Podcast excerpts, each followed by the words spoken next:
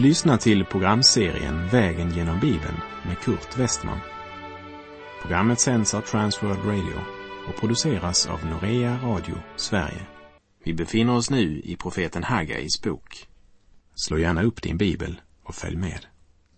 Vi befinner oss i profeten Haggai bok och vi avslutade förra programmet med att Gud kallade folket att dra upp händerna ur byxfickorna, kavla upp skjortärmarna och börja återuppbyggnaden av Herrens tempel.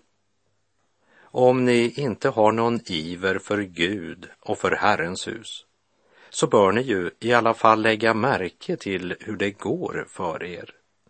Aldrig har tomheten fyllt era liv som nu. Ni dricker men blir inte glada. För det är inte i flaskan man finner glädjen. Så säger Herren Sebaot. Lägg märke till hur det går för er. Vinet kan inte släcka själens törst. Ni dricker, men släcker inte törsten. Gå upp till bergen, hämta trävirke. Eller tror ni att stockarna ska komma rullande av sig själva som ett tecken på att då är det rätt tid att börja göra något för Herren? Det är så många röster idag som uppmanar den kristne att vara öppen för Guds mirakel i deras liv. Gud är förvisso undrens Gud och han är densamme idag som på Haggai tid och som när Jesus vandrade här nere på jord. Men om Guds folk blev lite mindre upptagna av mirakel och lite mer villiga att kavla upp skjortärmarna för att vara med och bygga Guds rike och sprida kunskapen om frälsningen så skulle nog fler få se Guds härlighet. Lathet är orsaken till att så mycket arbete misslyckas idag. Lathet är orsaken till att många pastorer har så lite att ge till de hungrande fåren. Den enskildes slöhet och bekvämlighet är orsak till att så många troende slutat växa andligen. Guds helige ande kommer aldrig att välsigna lathet. Vare sig avfallet kommer i form av en resignationsteologi som inte längre räknar med uppståndelsekraften eller den kommer i form av en upplevelseteologi där man blir mera upptagen av mirakel än av Gud och där suggestionen är den skapande kraften så blir resultatet i båda tillfällena människan kommer bort från Gud. En bibelskolestudent sa en gång till sin lärare Läroboken du har rekommenderat oss att läsa är både lång och mycket torr. Och då svarade läraren Då kan du ju fukta den med lite svett från dina ögonbryn. Det är vägen, min vän. Vänta dig inte att ett växande Jesusliv ska serveras dig på silverfat. Miraklen kommer i det arbete du gör i vardagen. Hör vad Paulus skriver i Första Korinterbrevet 4, verserna 17 till och med 20. Timoteus, mitt älskade och trofasta barn i Herren, sänder jag nu till er. Han skall påminna er om vad jag undervisar i Kristus Jesus, det jag överallt lär ut i alla församlingar. Några har blivit självsäkra eftersom de tror att jag inte ska komma till er. Men jag kommer snart till er om Herren vill och då får jag veta hur det ligger till. Inte med orden, utan med kraften hos dessa uppblåsta människor.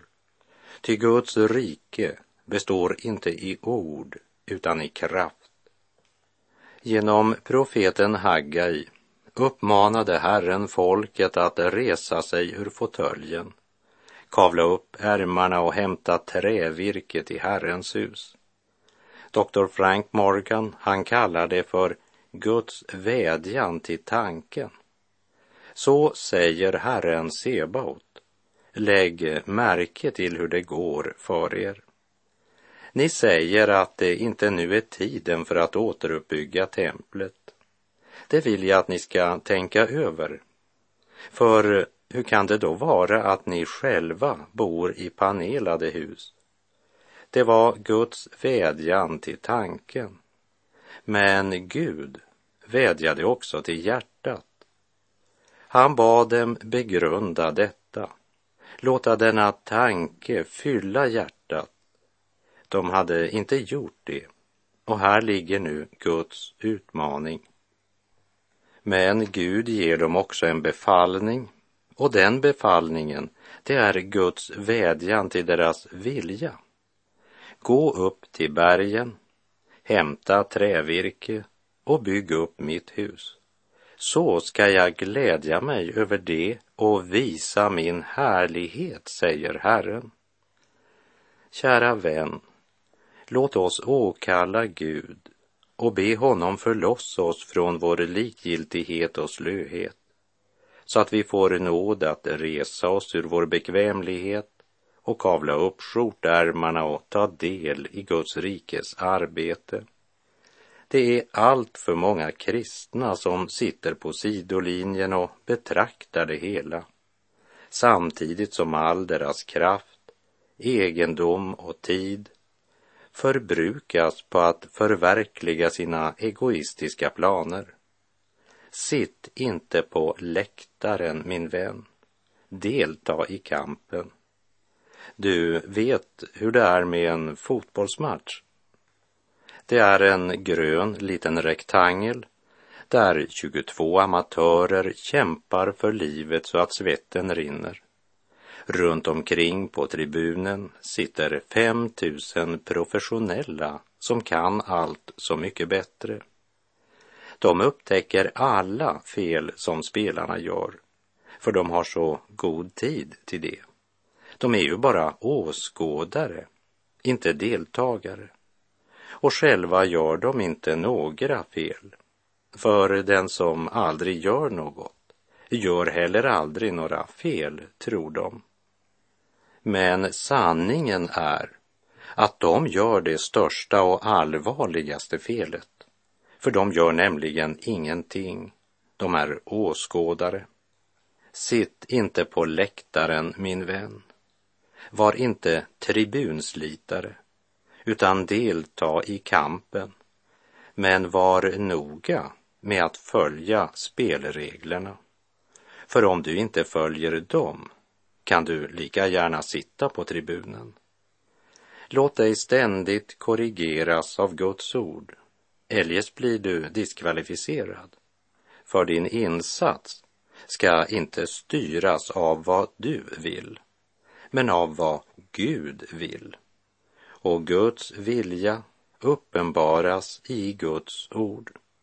Och när Guds vilja uppenbarats för ditt hjärta ska du inrätta ditt liv därefter, så att din tro blir mer än ord. Gör det lilla du kan, gör det villigt och glatt. Snart är dyrbara tillfällen fly. Efter vår kommer höst och på dag följer natt. Då kan hända ej morgon ska gry. O, var flitig att så medan ännu är tid, att din skörd måtte mogna i frid.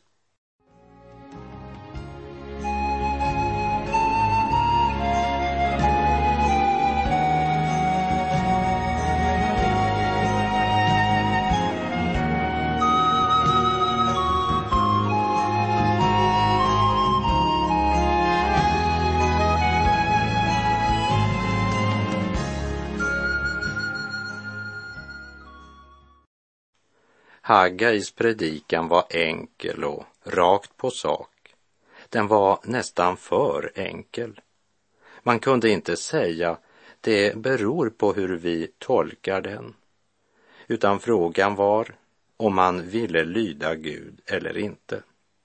Gå upp till bergen. Det kunde bara betyda en enda sak, nämligen att de helt konkret skulle bege sig upp till bergen. Vad skulle de göra där? Hämta trävirke, sa Herren. Även det är ju svårt att tolka till någonting annat. Och varför skulle de göra dessa två saker? Jo, därför att det var enda sättet att bygga upp Herrens hus. Lägg märke till hur det går för er. Gud talar nu om varför de har det som de har det. Vi läser Hagga i kapitel 1, vers 9. Ni väntade er mycket, men se, det blev litet. Och när ni förde det hem, då blåste jag bort det. Varför, säger Herren Sebaot? Därför att mitt hus ligger i ruiner, medan ni har bråttom var och en med sitt eget hus. Hör vad Herren säger. Ni har bråttom var och en med sitt hus. De hade ett brinnande intresse för allt som var deras eget. Herrens hus, ja, det hade blivit en hobby som man kunde ta del i om man fick någon tid över. Allt annat kom först. De hade ofta undrat varför all denna olycka hade drabbat dem. Men de var för fromma för att skylla på Gud. De trodde inte han hade något att göra med alla dessa svårigheter de mötte. De skyllde på otur och olyckliga omständigheter. Det var ett dåligt år. Vi hade torka, förstår du, brukade de säga. Men Gud säger något annat. Jag såg till att inget av det ni gjorde lyckades. Och jag ska säga er varför. För att ni var så upptagna med allt ert eget, men lät mitt hus ligga i ruiner, samtidigt som ni panelade era hus. Och Herren Jesus har stadfäst principen i Haggai bok när han i Matteus 6.33 säger Nej, sök först Guds rike och hans rättfärdighet så ska ni få allt det andra också.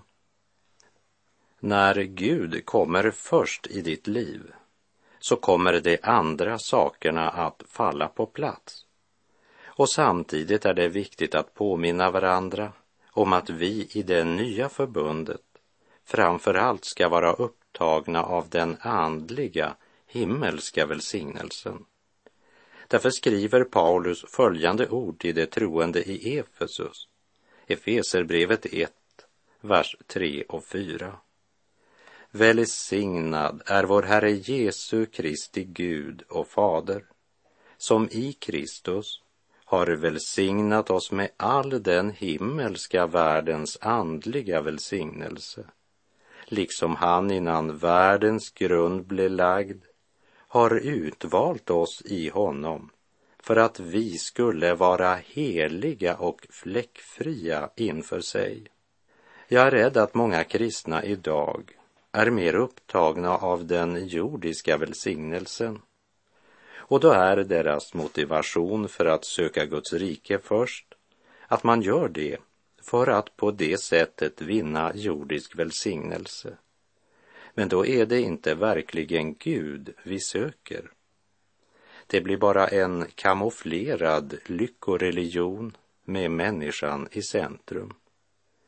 Det är att i Guds namn dansa runt guldkalven för som du minns från Andra Mosebok 32, där Aron tog emot guldet som folket kom med och formade det med en mejsel och gjorde av det en gjuten kalv.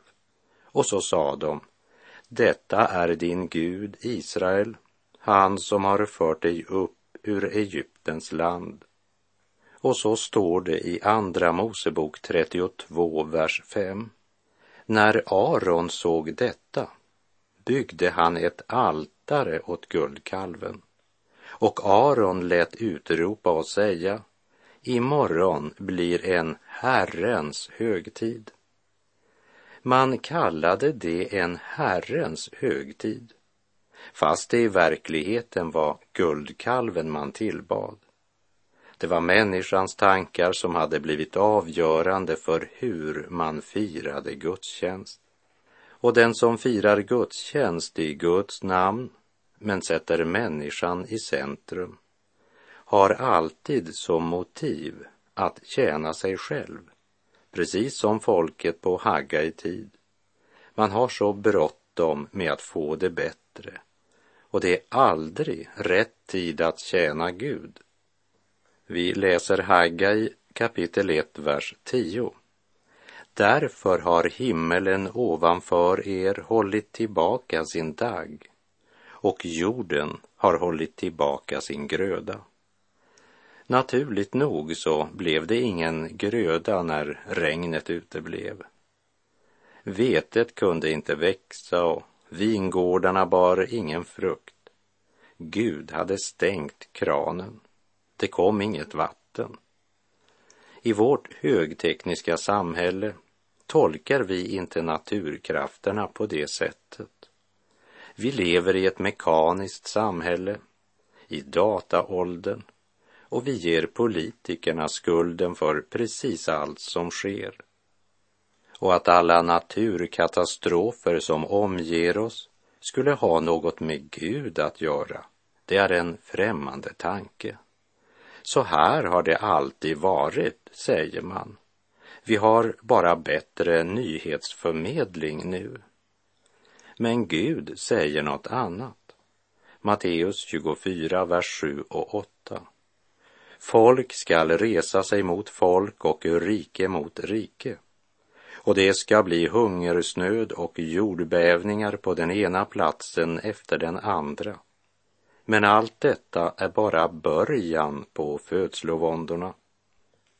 Trots detta är det till och med många kristna som inte inser eller förstår sambandet mellan vad Gud har talat och det som sker i naturen och i relationen mellan människor.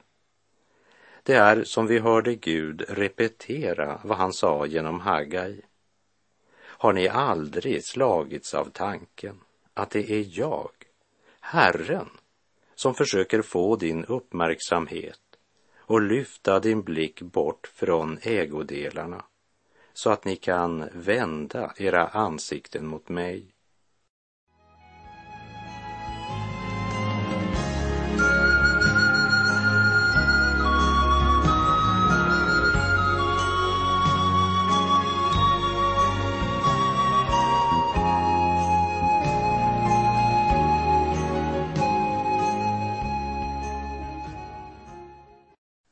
Lägg nu märke till hur Gud påtar sig ansvaret för allt det som hade drabbat Israel.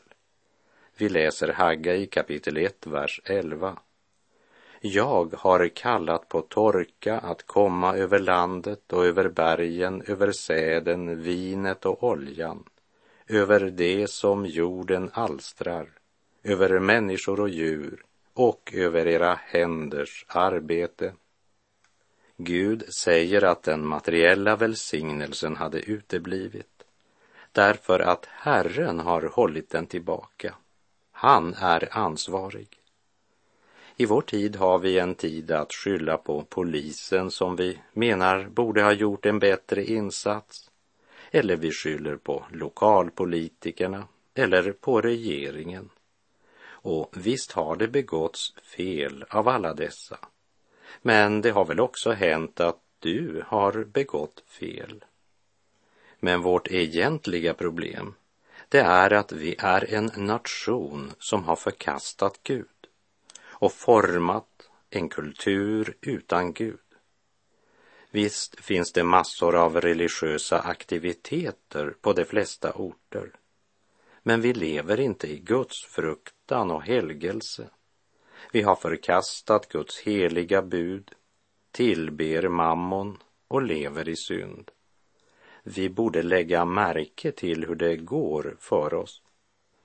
Likt situationen var för folket i Israel på Haggai tid, så är det också för oss. Ni väntade er mycket, men se, det blev litet. Och när ni förde det hem blåste jag det bort. Varför, säger Herren Sebot, därför att mitt hus ligger i ruiner, medan ni har bråttom var och en med sitt eget hus.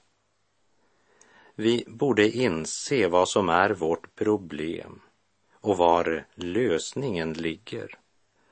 Låt oss nu höra vad Haggai har att säga om den respons Guds utmaning fick bland Israels folk. Haggai kapitel 1, vers 12.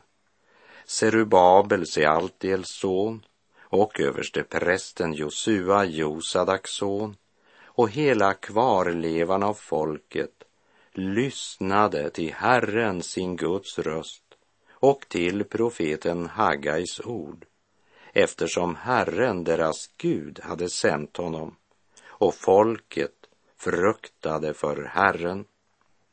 Serubabel var ståthållare, Josua var överste präst och när det står med hela kvarlevan av folket så talar det alltså om den del av folket som hade återvänt från fångenskapet i Babylon.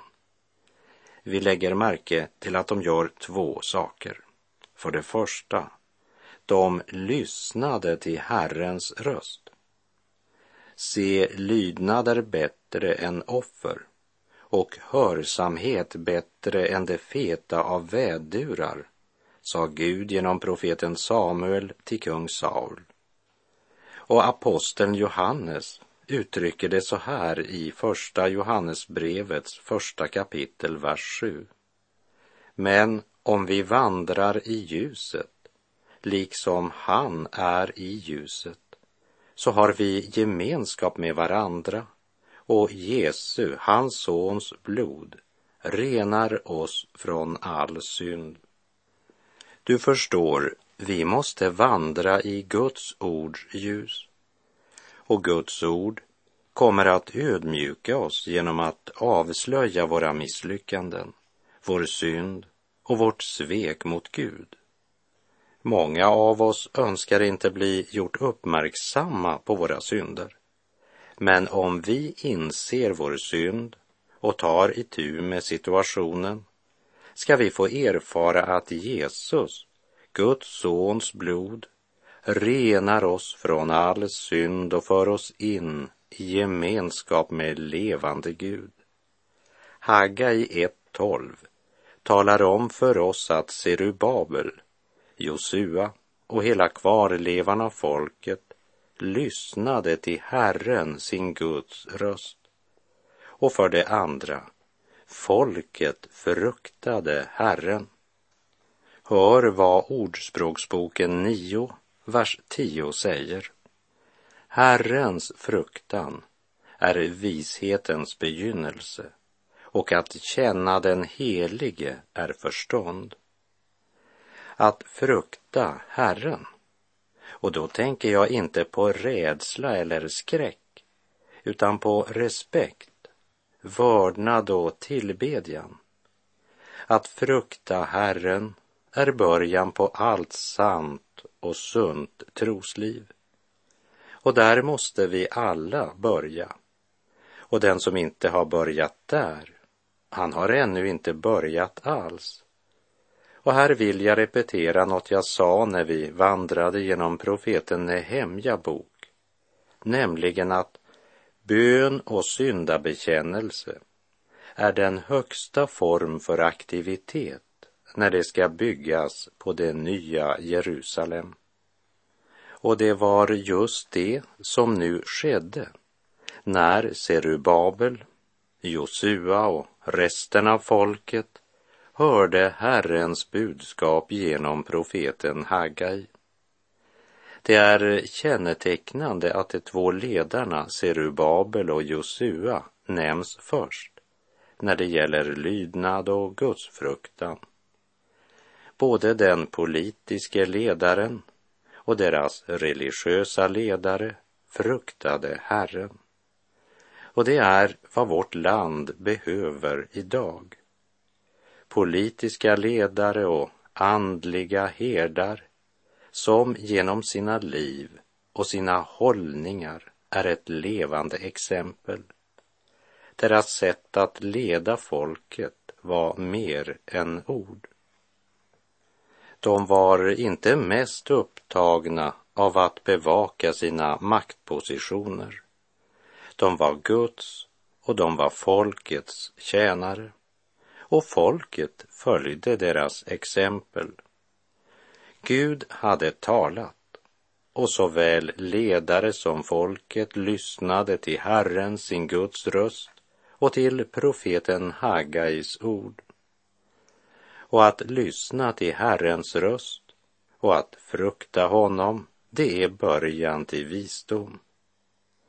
Att lyssna till rösten ifrån evighetens värld och rikta blicken mot det osynliga som är evigt.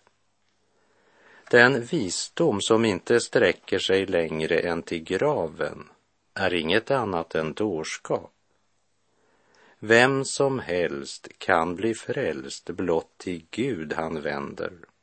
Detta bud sänder Gud ut i alla länder. Se Guds lamm går här fram för att liv oss giva. Arma barn, syndens garn vill han sönderriva. O, vänd om, skynda kom till din fader åter. Fatta mod, Gud är god, synden han förlåter. Ja, vår Gud sänder bud ut i alla länder. Vem som helst kan bli frälst, blott han hemåt vänder. Serubabel, Sealtiels son, och översteprästen Josua, Josadaks son, med hela kvarlevan av folket, lyssnade till Herren, sin Guds röst och till profeten Haggais ord, eftersom Herren, deras Gud, hade sänt honom. Och folket fruktade för Herren. Och med det så är vår tid ute för den här gången. Jag säger på återhörande om du vill och om Herren ger oss båda en ny nådedag.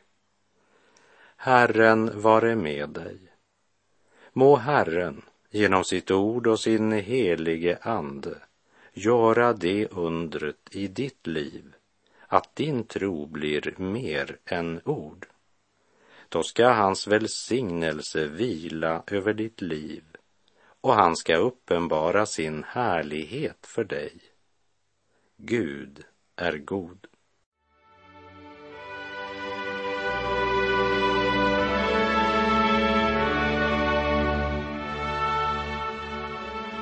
Du har lyssnat till programserien Vägen genom Bibeln med Kurt Westman som sänds av Transworld Radio. Programserien är producerad av Norea Radio Sverige. Om du önskar mer information om vårt radiomissionsarbete så skriv till Norea Radio Sverige, box 3419 103 68 Stockholm. Adressen är alltså Norea Radio Sverige, box 3419.